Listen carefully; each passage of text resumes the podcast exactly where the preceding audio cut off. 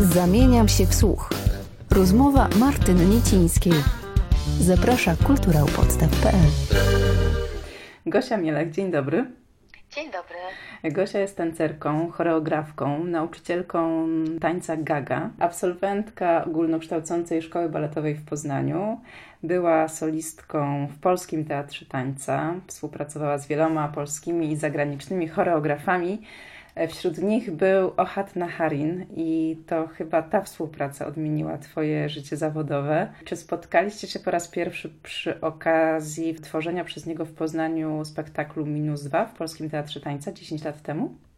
Dokładnie tak. Staram się oczywiście, pracując z każdym choreografem, wyciągać jak najwięcej bogactwa z tej relacji, ale muszę przyznać, że współpraca z Ohadem, jego podejście do ruchu, jego sposób tworzenia choreografii był takim naprawdę znaczącym momentem w moim życiu. Po stworzeniu spektaklu Minus Dwa przez kolejne dwa lata jeszcze pracowałam w teatrze, w Polskim Teatrze Tańca, aczkolwiek już czułam, że coraz bliżej jest mi do tej jakości ruchu, jaką można znaleźć w Izraelu, jaką prezentują izraelscy choreografowie. I też no, bardzo zainspirowałam się Gagą, dlatego też od, odkąd skończyłam pracę z Ohadem, jakby tą współpracę, no to bardzo często jeździłam do Tel Awiwu, aby brać jak najwięcej zajęć Gaga, bo te 10 lat temu Gaga była bardzo mało dostępna w Europie i gdziekolwiek na świecie, oprócz Tel Awiwu. W Tel Awiwie były codzienne zajęcia, a w Europie jedynie gdzieś jakieś takie bardziej kilkudniowe warsztaty się zdarzały, na które oczywiście ja jeździłam. No i po kilku latach odeszłam z teatru, następnie założyłam swój zespół Dance Lab, w ramach którego do, do dzisiaj tworzę choreografię, zapraszam artystów do współpracy i po kilku latach właśnie zostałam zaproszona, aby wziąć udział w programie nauczycielskim Gaga. Ten program odbywa się tylko w Tel Awiwie. Mhm. Nie można tego nazwać szkołą, bo to nie jest nic takiego e, bardzo określonego. Jakby ten program jest, jego formuła jest y, cały czas określana, bardzo taka elastyczna. I też w programie tym bierze, bierze udział raptem garstka artystów ze świata. Każda osoba ma trochę inną ścieżkę nauczania. Ze względu na to, że każdy z nas pochodzi z, troszeczkę z innego świata tanecznego. Każdy z nas jest w trochę innym wieku, w, w innym miejscu w życiu, w, swojej karierze. Bo wspomniałaś o tym, że musiałaś właśnie podróżować aż do Tel Awiwu, bo w Europie bardzo mało było miejsc i okazji, żeby tańczyć gagę. To się chyba ostatnio zmieniło. Kilka lat temu ukazał się świetny dokument o, o Hadzie i o tym tańcu i chyba to też sprawiło, że, że nastąpił jakiś przełom i ten taniec jest teraz bardziej dostępny w Europie. Tak, masz absolutną rację.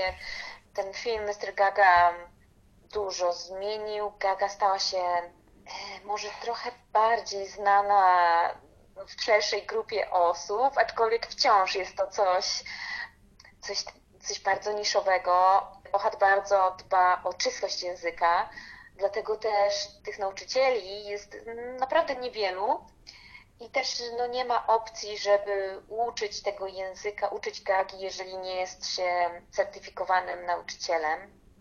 I też wiemy, nie ma podręczników o gaga, jedynie, jedynie jakieś wywiady, krótsze, dłuższe, które mogą zapoznać um, uczestników z gagą. Tak, a jak ty byś opisała ten taniec? Gaga to jest język ruchu. Nie wiem, czy można nawet określić gaga jako taniec. Mhm. Po prostu gaga to jest gaga. To, to nie jest jakby jakaś technika czy metoda, ze względu na to, że technika czy metoda już by była czymś zakończonym, a gaga jest y, językiem ruchowym, który jest wiecznie doskonalony, cały czas rozwijany. Mamy zajęcia z Ohadem, metodykę co tydzień, nawet dwa razy w tygodniu czasem. Mówię my jako nauczyciele. Także OHAD, bez względu na to, czy jest pandemia, czy jej mhm. nie ma, on cały czas rozwija, pogłębia gadę. Macie z nim teraz zajęcia online? Tak. A wcześniej tak, latałaś tak, po prostu tak często do Tel Awiwu? Przed pandemią to raczej było tak, że otrzymywaliśmy nagrania. Aha i to nie było live stream, tylko nagrania po to, żeby być w miarę zaktualizowanym z tym, co się dzieje. Ale i tak oczywiście każdy z nauczycieli starał się latać jak najczęściej do Tel Awiwu, żeby, żeby też e, swoje akumulatory podładować jakimiś nowymi informacjami, właśnie spotkaniem z Ohadem, porozmawianiem z nim, podzieleniem się jakimiś swoimi przemyśleniami, ale też przede wszystkim my mamy obowiązek, żeby no, te informacje w nas były jak najświeższe i też musimy mm, mieć lekcje, po których dostajemy feedback od takich senioralnych nauczycieli. Gaga jest to rodzaj ruchu, który pomaga nam wzmacniać nasze silniki, mhm. pomaga nam łączyć się z pasją, z przyjemnością, pomaga nam w takim utrzymaniu zdrowia psychofizycznego, bo jak wiemy, ruch to, to, to szczęście, ruch to zdrowie, a gaga jest takim ruchem, który nie jest inwazyjny, raczej nie powoduje kontuzji. Nam bardzo zależy, żeby najpierw słuchać ciała, zanim mówić mu to, co ma to mhm. ciało robić. Czyli jakby oczywiście jesteśmy świadomi tego, co robimy, ale staramy się być bardzo uważni na sygnały płynące z ciała. I to też starasz się przekazać na swoich lekcjach, prawda? Które teraz, wiadomo, tak. prowadzisz online przed pandemią w Starym Browarze w Poznaniu. E, I też stworzyłaś kilka rodzajów takich zajęć, takich kursów GoP tak. Yoga, Move i chyba po tak. prostu Gaga. Gagę wcześniej, przed pandemią prowadziłam, kiedy tylko mogłam w Poznaniu. To się odbywało czasem raz na miesiąc, czasem dwa razy w miesiącu, czasem raz na trzy miesiące. Zazwyczaj ja po prostu cały czas podróży i więcej uczę na świecie aniżeli w Polsce.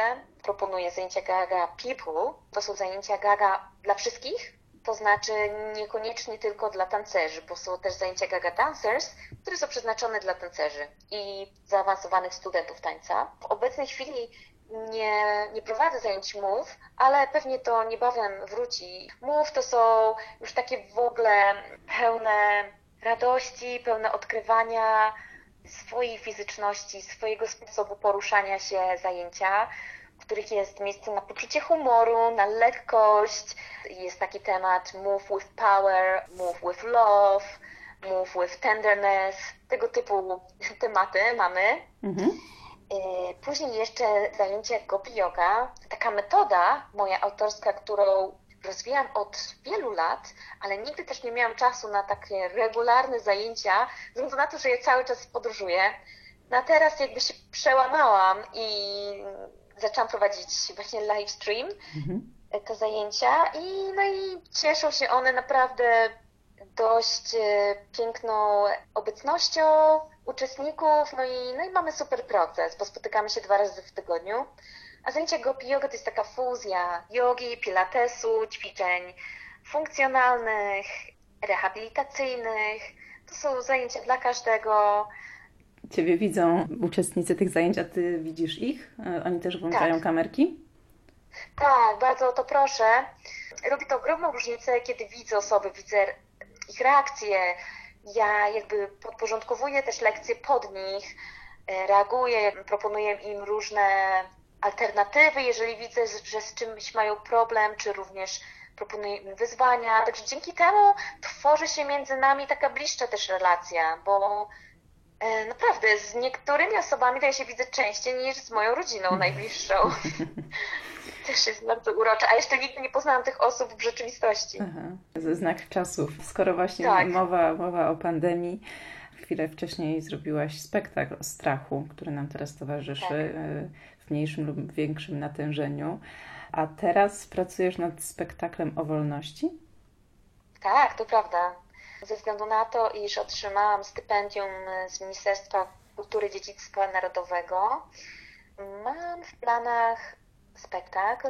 Premierę przełożyłam na przyszły rok ze względu na restrykcje, zamknięte teatry.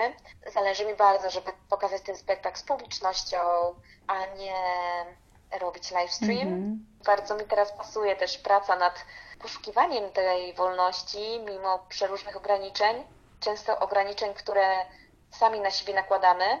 My możemy w sobie, każdy z nas, znaleźć tą wolność, która nie jest wcale uzależniona od zewnętrznych czynników, Mhm, mhm. bo bez względu na to, czy jesteśmy właśnie nawet zamknięci w izolacji ze względów czy na pandemię, to chodzi o tą wolność w nas, której absolutnie nikt i nic nie może nam odebrać. Tak, to prawda. E, I moim takim celem, moim marzeniem jest teraz dokopywanie się do tej wolności, która no, została gdzieś tam zagubiona przeze mnie przez lata zakładania sobie różnych kajdanów, prób podporządkowania się moim i innych osób oczekiwaniom. No i też takie wrażenie, że tej wolności nie będę miała, jeśli nie stanie się to i to i to. Bo mamy oczywiście tą wolność negatywną i wolność pozytywną. No, wolność negatywną to jest to, to jest taka wolność od czegoś. Wolność od, od religii, na przykład wolność od polityki, Mhm. wolność od partnera, wolność od rodziny, ale mamy też wolność do. To jest tak nazywana wolnością pozytywną, pozytywnym tym aspektem, czyli wolność do pełnego wyrażania siebie, wolność do bycia sobą. Tak naprawdę z tym też wiąże się odwaga, e, wolność do odkrywania, wolność do, do tego, aby podążać za swoimi pragnieniami. Ta, ta wolność e, pozytywna bardzo mnie ciekawi. Jak tam dotrzeć? No właśnie. Bardzo Ci dziękuję za rozmowę i trzymam kciuki za pracę nad spektaklem e, i nad tym dążeniem do, do wewnętrznej wolności, do czegoś, a nie od czegoś. Gosia Mielech, do zobaczenia. Tak, bardzo dziękuję. To była ogromna przyjemność. Do zobaczenia i do usłyszenia. Zamieniam się w słuch. Rozmowy Martyny Niecińskiej. Dostępne na kulturaupodstaw.pl